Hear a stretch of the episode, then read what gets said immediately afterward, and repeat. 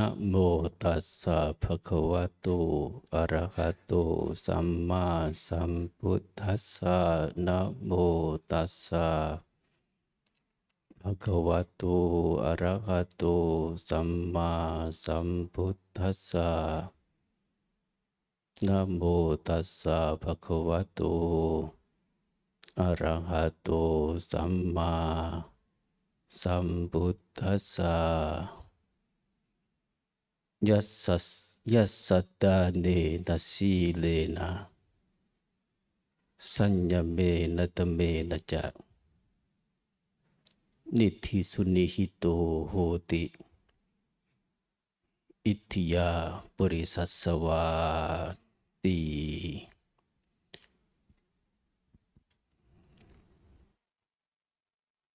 Keberkahan semoga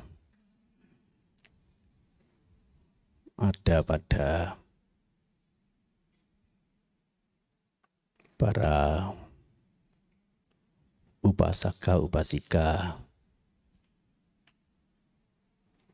yang pada saat ini sedang hadir dalam upacara kebajikan berkala. Upacara sanggadana yang terkait dengan selepas para biku menyelesaikan masa wasa di musim hujan menurut penghitungan India kuno. Berlangsung hanya satu tahun sekali untuk di satu wihara. Dan pada sekitar 30 hari 29 atau 30 hari saja. Secara umum. Walaupun kalaupun dilakukan selewat itu tidak masalah. Oleh karena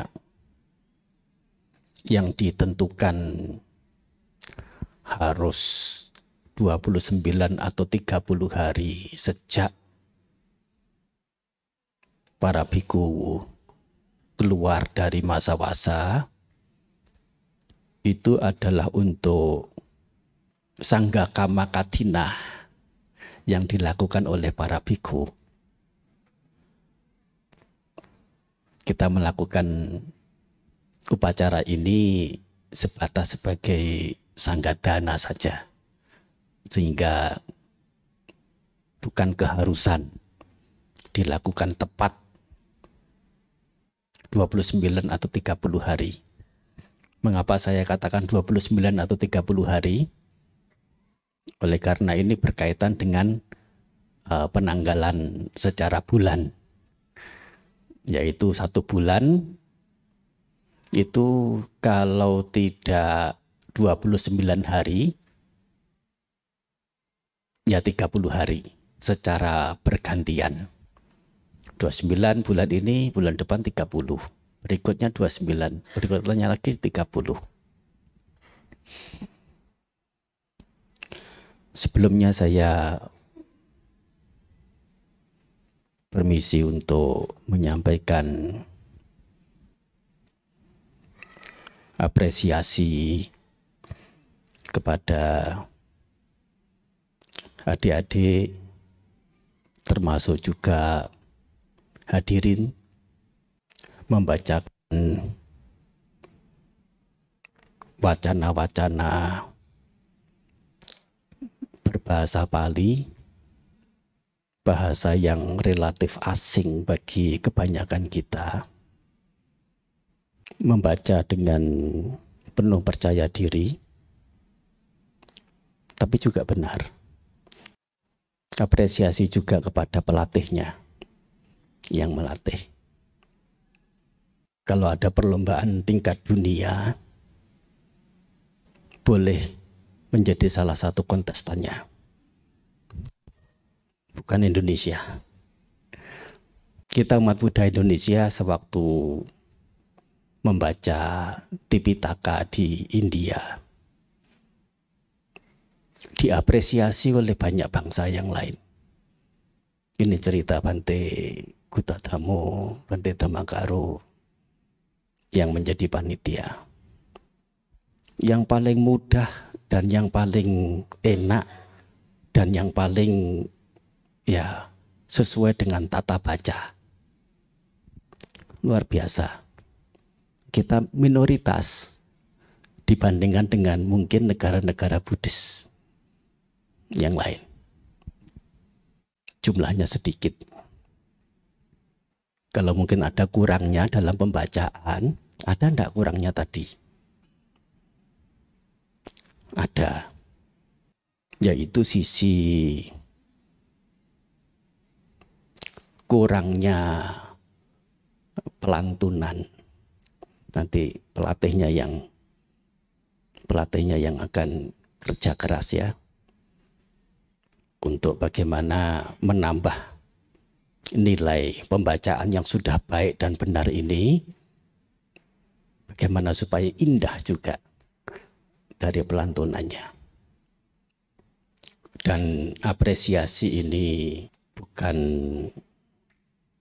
untuk membanggakan melainkan untuk memberikan semangat baik mereka yang sudah membaca dengan baik dan benar maupun yang masih dalam proses untuk membaca baik dan benar. Hal yang bukan luar biasa saya katakan pada malam hari ini para upasaka upasika berbondong-bondong datang untuk melakukan upacara kebajikan, yaitu upacara dalam rangka memberi. Saya mengatakan bukan hal yang luar biasa. Artinya apa?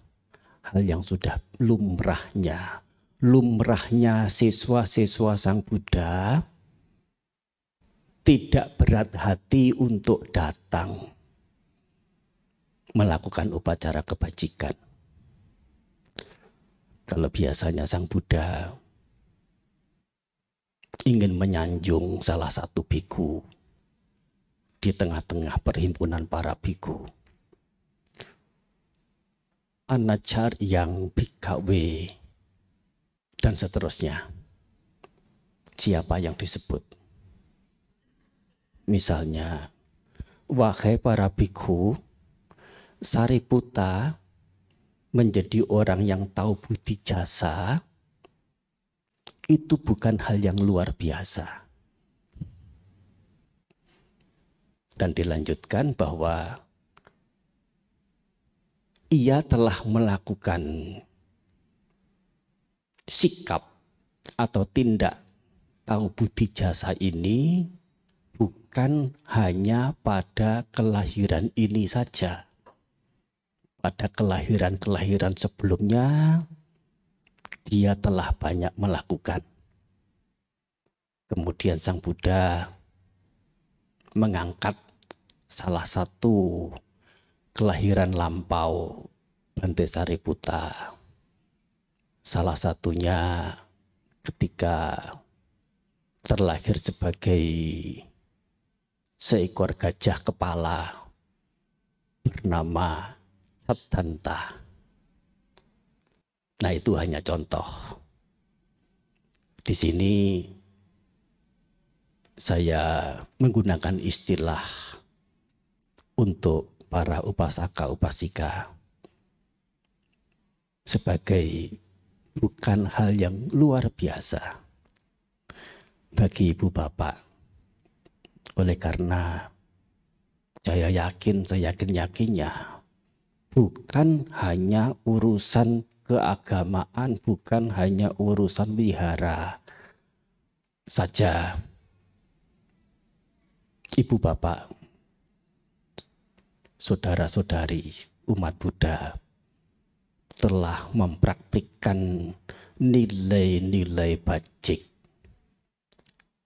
dan sudah menyatu tidak bisa dipisah antara melakukan kebajikan dengan melakukan upacara. Tidak bisa dipisahkan mana yang upacara, mana yang kebajikan.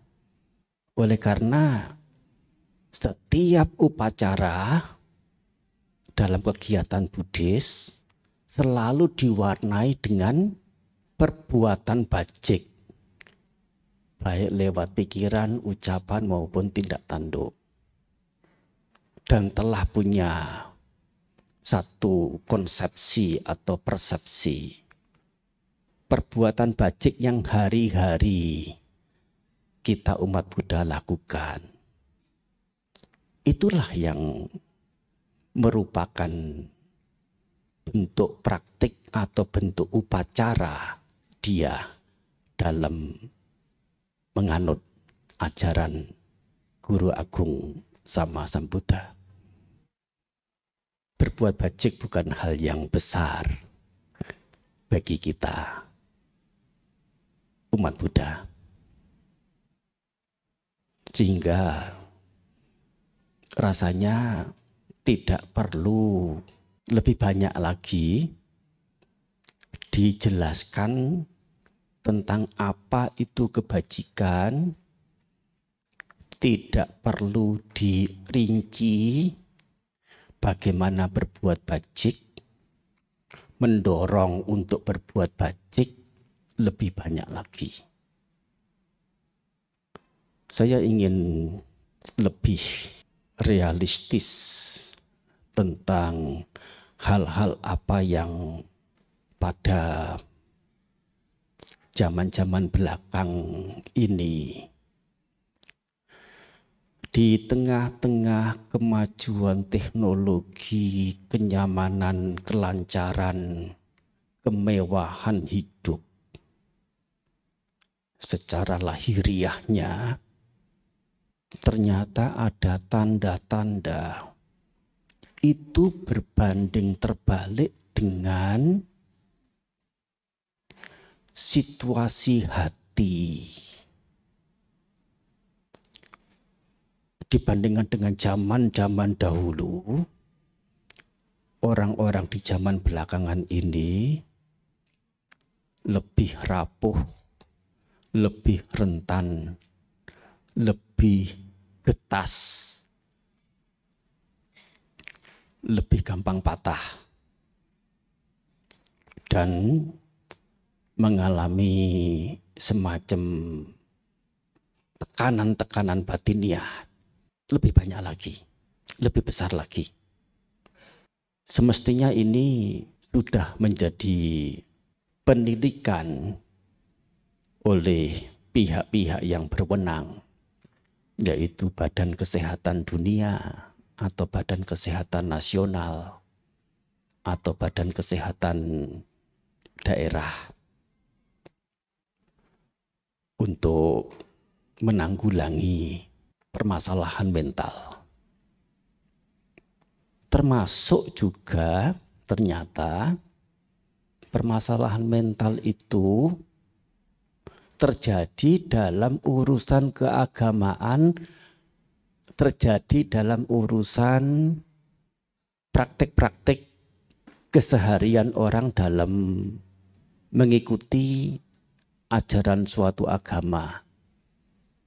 Tidak terlepas juga agama Buddha. Bahwasanya sungguh kebaikan atau tindakan apa pun termasuk keburukan sangat bergantung dengan jenjang kualitas hati tiap-tiap individu. di sini tentu tiap orang tidak sama. Dan karena tidak sama, yang artinya ada perbedaan, setelah ada perbedaan lalu ada apa? Ada pembandingan. Oh, dia perdananya sekian itu. Jauh lebih banyak dari aku. Akan memunculkan kerendah dirian untuk mereka yang mengetahui nilai dana yang dia berikan, yang mereka berikan lebih banyak ada potensi juga untuk muncul tinggi diri atau tinggi hati. Ini sesungguhnya yang menjadi titik awal permasalahan mental. Seseorang tidak boleh membandingkan dirinya sendiri dengan orang lain apalagi membandingkan orang lain si A dengan orang lain si B, si C, si D, si F, dan seterusnya. Tidak boleh. Tidak etis. Tidak bijaksana. Mengapa? Karena tiap-tiap individu orang itu memiliki kualitas masing-masing. Punya keterbatasannya sendiri. Seseorang yang baru belajar bagaimana mengerti, memahami kebaikan sebagai hal yang mendatangkan manfaat lebih daripada melakukan keburukan, kemudian mulai kecil-kecil, sedikit-sedikit, sesekali melakukan hal baik. Sesungguhnya dia adalah orang yang luar biasa. Sudah orang yang luar biasa dia patut mengapresiasi dirinya. Dan orang lain yang tahu orang si dia tadi itu sedang berlatih sedemikian rupa, semestinya juga memberikan apresiasi.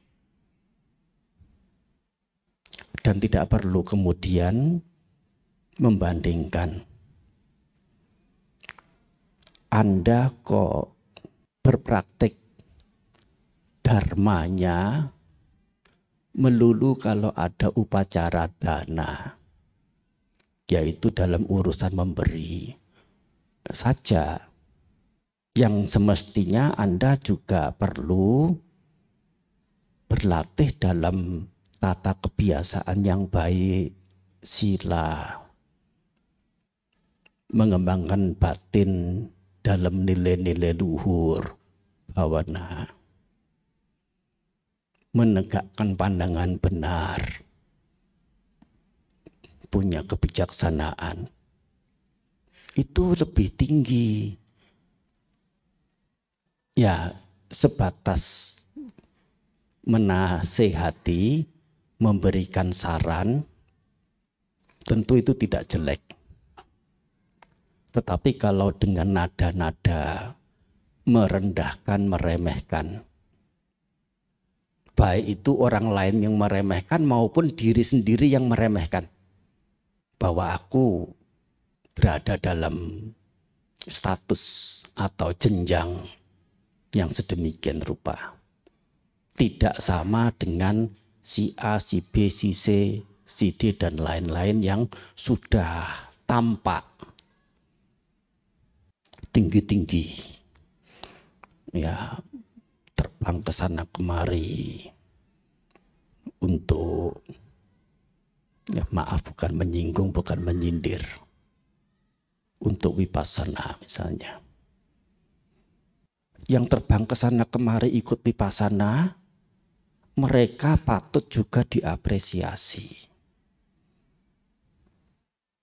Tetapi yang baru awal memulai, mampu berbuat baiknya seberapa? Setingkatan apa? Dibandingkan dengan dirinya sendiri, diri sendiri pada waktu-waktu sebelumnya. Jika ada perubahan yang signifikan, dalam rangka mengikuti jejak Sang Guru Agung Buddha. Sesungguhnya dia adalah orang yang orang yang beruntung, orang yang mengagumkan, orang yang patut mendapatkan persanjungan. Terlepas jenjangnya itu mungkin kalau ada anak tangga itu seribu anak tangga, jenjangnya itu mungkin baru di jenjang anak tangga ke sepuluh atau ke dua belas. Tapi dia adalah orang yang luar biasa. Dan tidak bisa dibandingkan dan tidak boleh dibandingkan untuk person atau individu lain yang punya kualitasnya sendiri, punya simpanannya sendiri, berada di jenjang yang ya 120. Anak tangga ke 120. Anak tangga yang 240. Anak tangga yang 700 sekian. Tidak perlu kecil hati, tidak perlu rendah diri menjadi kecil hati, menjadi rendah diri, ini adalah tindakan mendera diri sendiri tanpa arti dan cenderung untuk merugi. Bersahabat dengan diri sendiri mau mengakui ini keberadaanku, ini posisiku, jenjangku. Mengakui, kemudian menerima ini jenjangku di sini. Dan cukup didasari dengan keyakinan yang teguh atas pencapaian penerangan sempurna sama Sang Buddha. Punya tekad, punya semangat teguh dalam menjalankan ajaran beliau. Itu sudah lebih dari cukup. Tentu pergolakan dalam seseorang menempa diri selalu ada penuh dengan jerih payah dan banyak diwarnai dengan kegagalan. Tapi jangan kemudian ah aku orang yang tidak beruntung. Sudahlah selesai. Ya. Tidak perlu gitu-gituan. Yaitu menolak menolak hati nurani diri sendiri karena tidak tahan dengan situasi diri, posisi diri yang ya masih dalam jenjang relatif rendah dan sering mengalami kegagalan. Yang mana sesungguhnya sebelum tingkatan yang tertinggi anak tangga yang ke seribu, yaitu pencapaian arahata, tiap jenjangnya itu perlu jerih payah juga. dan jerih payah mereka yang ada di tingkatan lebih tinggi, misalnya di anak tangga yang sudah 800 sekian atau 900 sekian, tentu tingkat kerumitannya itu berkali-kali dan kali lipat. Untuk jenjang yang lebih rendah, relatif rendah, ada rintangan, ada hal yang memberatkan, ada. Tetapi dihitung itu masih relatif mudah. Untuk lebih gamblangnya divisualisasikan yaitu pelajaran untuk anak sekolah SD kelas 2 bagi anak kelas 2 SD ada yang relatif mampu, ada yang sedang-sedang, ada yang kurang mampu. Ini terlalu sulit untuk aku. Tetapi bagi anak yang kelas 2 SMA, dia juga punya permasalahan yang sama seperti anak kelas 2 SD. Permasalahannya juga ya kalau ditimbang jauh lebih rumit. Permasalahan yang tingkat tinggi itu lebih rumit. Tetapi keduanya ini tidak bisa kemudian dibolak-balik yaitu dengan membandingkan diri aku yang kelas 2 SD ini sepertinya terlalu kecil dibandingkan dengan anak yang sudah kelas 2 SMA. Menjadi rendah diri. Dan tidak perlu juga berusaha mengerjakan soal-soal yang diperuntukkan anak sekolah kelas 2 SMA juga. Demikian pula anak kelas 2 SMA mengetahui soal-soal untuk tingkatannya itu relatif sulit. Jangan juga kemudian ah aku lebih baik belajar di SD kelas 2. Soalnya mudah-mudah. Artinya apa? Tiap jenjang punya permasalahannya sendiri-sendiri. Tiap orang punya jenjang, punya kualitasnya sendiri-sendiri, punya urusannya sendiri. Tidak ada alasan kemudian untuk menjadi rendah diri ataupun tinggi diri. Lalu dihimpit dengan pembandingan diri, tetanggaku sudah begitu, temanku sudah begitu, atau orang-orang lain sudah begitu, aku baru begini. Ini sudah lampu kuning peringatan permasalahan mental.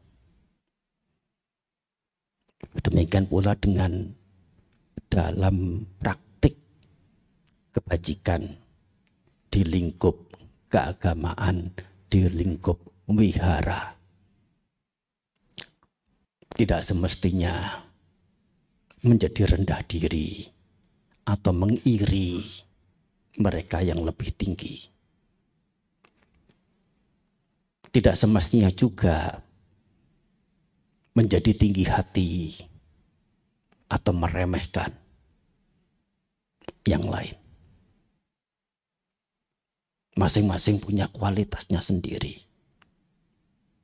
Dan lebih baiknya adalah selalu melihat ke dalam, melihat di dalam.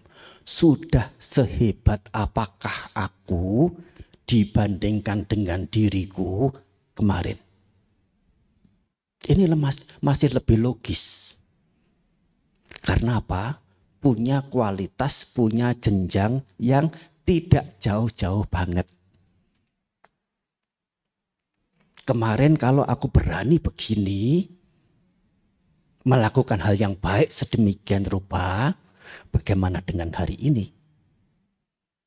Ini yang semestinya yang lebih baik maksud saya daripada membandingkan dengan orang lain. Membandingkan dengan diri sendiri saja itu juga mesti ada batasannya, yaitu rentang waktu yang dekat-dekat. Seminggu yang lalu masih boleh, sebulan yang lalu masih boleh, setahun yang lalu masih boleh. Tapi kalau sudah lima tahun, sepuluh tahun yang lalu, jangan coba untuk membandingkan. Oleh karena apa? Itu sudah ada proses peralihan menjadi lebih buruk, sangat buruk, atau menjadi lebih baik, sangat baik, sehingga posisi lima tahun, sepuluh tahun yang lalu, segala kualitasnya sudah berbeda dengan lima tahun atau sepuluh tahun belakangan ini. Bagaimana itu menjadi tolak ukur eh, sebagai alat pembanding terhadap atau dengan diri sendiri saja masih perlu pertimbangan untuk membandingkan, membanding-bandingkan. Ojo dibanding-banding ke katanya begitu. Ah, jadi ini pesan dalam rangka melakukan hal yang baik. Buahnya pun saya bicara sudah berapa menit? Ya. 10 menit lagi ya. ya. Aku dalam berbuat baik ini pengen pengen dikenal banyak orang. Pengen disanjung, pengen dipuji. Satu. Satu.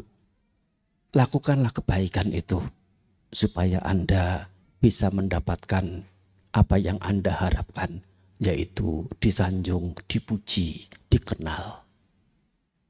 Orang-orang di sekitar Anda satu-satu. Tentu kalimat itu tadi berbanding terbalik dengan mm, berbuat baik kok untuk mendapatkan sanjungan, mendapatkan pujian supaya dikenal itu perbuatan baik yang ada apa pamrehnya. Itu perbuatan baik tidak murni. Kata-kata yang bukan hanya bentuk ketidakbijaksanaan saja, melainkan juga sebagai bentuk pembulian. Tidak boleh. Dan dia yang menginginkan pujian sanjungan dikenal dengan melakukan kebaikan. Dia menginginkan sesuatu dan melakukan cara-cara untuk mendapatkannya secara benar, secara baik, dan secara fair. Apakah itu sudah tidak cukup untuk menyanjung dia?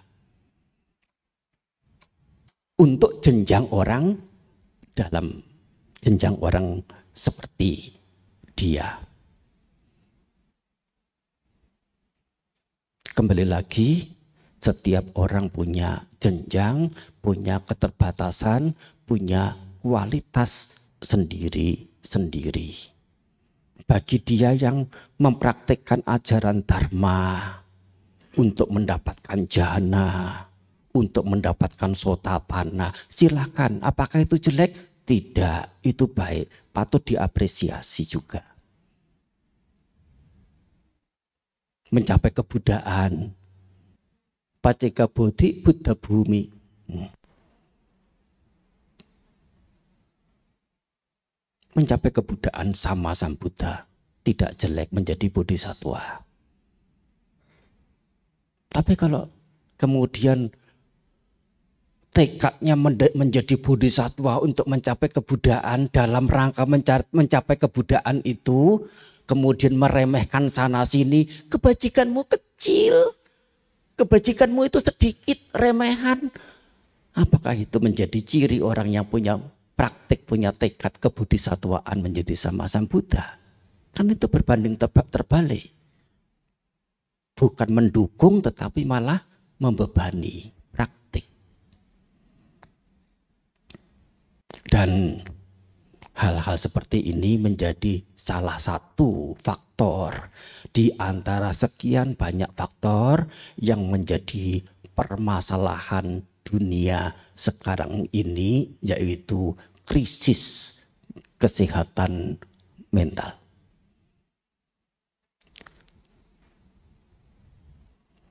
Selamat berbuat bajik.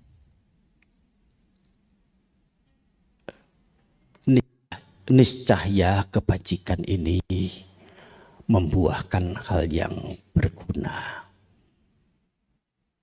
Baik guna di saat ini, guna di saat mendatang, maupun guna yang tertinggi. Handemodana.